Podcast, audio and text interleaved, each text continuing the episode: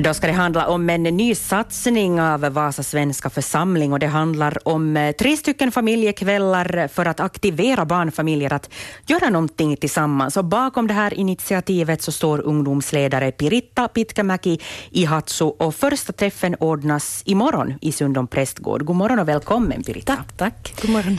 Varför vill du ordna familjekvällar? No, alla vet ju hur det är liksom på på veckorna. Att man har liksom mycket att göra. Man skjutsar barnen liksom på, på, olika håll och sen man är helt trött när man kommer. Och man ganska sällan får göra saker tillsammans.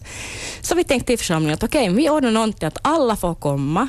Barnen under skolåldern, barnen i skolåldern, hela familjen. Man får liksom diskutera med kompisar. Man får bara vara och ta det lugnt. Och sen avslutar vi med kvällsbit. Att man kan till och med borsta tänderna där på prästgården om man vill.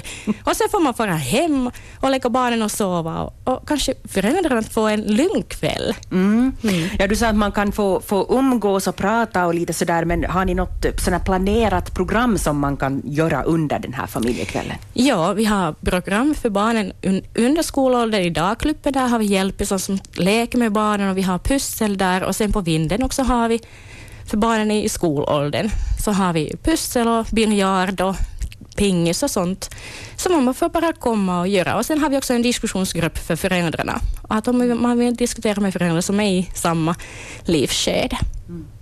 Vad hoppas du att man ska få ut av den här familjekvällen? Sån där lugn kväll, att man får bara komma och njuta och man har ingen stress eller press utan man får bara vara och njuta och sen, och sen får man äta kvällsbiten i lugn och ro och man behöver inte städa efter sig utan allt är färdigt, man får bara komma.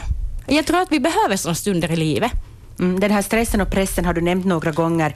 Eh, hur ser du så där överlag på barnfamiljernas situation idag?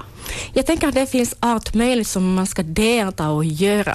Och man märker också på vår verksamhet, det, det är liksom verksamhetsformer som där man får bara komma och man behöver inte prestera. Så de är liksom det här populäraste. Till exempel vi har slölördagar och det liksom utgår på att man kommer och slöar på prästgården och tittar på film och äter gott. Och, och sen har man andakt. Och det är liksom sånt som lockar. För att, att det är svårt ibland, för att man måste göra och vara med på, på olika håll. Mm. Ja. Är, det, är det måsten? Du sa att man måste göra. Nej, eller tror jag det... det måste, utan men det är liksom att om man har flera barn, så bara de här hoppen att man ska skjutsa till olika håll av stan, så det kräver nu en del. Mm, absolut gör det det. Um, hur, är, hur, hur, ser du på stödet för, för barnfamiljer idag? Finns det tillräckligt stort, stort stöd för, för familjer? Ja, jag tänker att om, om man liksom själv orkar och söka efter stöd, så då får man det. Men om man inte liksom, om man är lite deprimerad, om man har liksom, mång, liksom olika problem i, i familjen, så då inte orkar man alltid. Så nu är det bara att komma, vi har öppna dörrar till prästgården, att man behöver inte man får bara öppna dörren och komma in och, och sen mm. se vad, man, vad, vad, som händer sen. Men tycker du då, Piritta, att det är församlingen som ska stå för det här, för det här stödet? Är det, hör det till era uppgifter? Ja, ja det hör till, till våra uppgifter. Och jag tänker att Luther, när vi lever liksom i reformationsåret, att, att han var sån som hade en stor familj och som ganska många gånger hade mycket människor bland matbordet och de pratade och de diskuterade. Och vi till och med kan läsa hans, liksom, vad han har undervisat då, vid matbordet. Så jag, visst tycker jag det är jätte, jätteviktigt att vi finns mm. där familjerna och människor finns.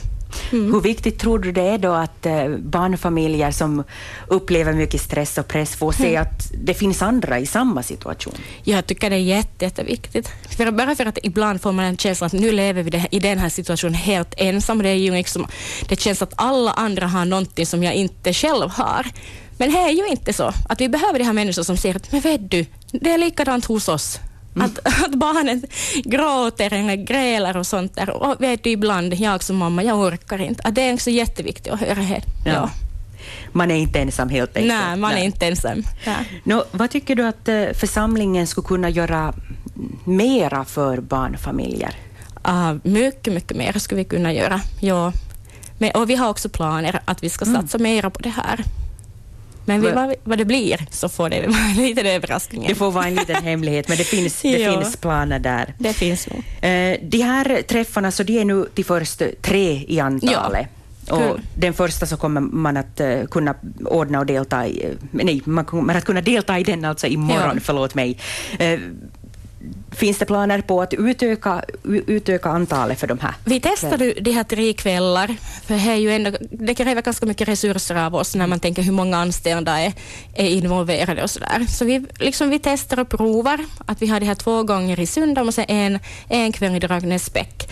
Och där har vi Ann-Sofie Karlsson som berättar om sin senaste bok också. Och vi ser hur mycket folk det kommer, vi ser vad feedbacken är, är, den liksom, är responsen att vi kan fortsätta och är den liksom, behöver man de här kvällar? För det är ju inte liksom, vi erbjuder inte sånt som inte lockar folk helt mm. enkelt, för då, då är det i onödan. Men vi hoppas på att det kommer mycket folk. Alla är jätte, jättevälkomna. Mm. Det ska vi göra. Tack ska du ha, Piritta Pitkämäki Ihatsu. Imorgon ordnas alltså den första familjekvällen i Sundom prästgård då. Tack. Tack.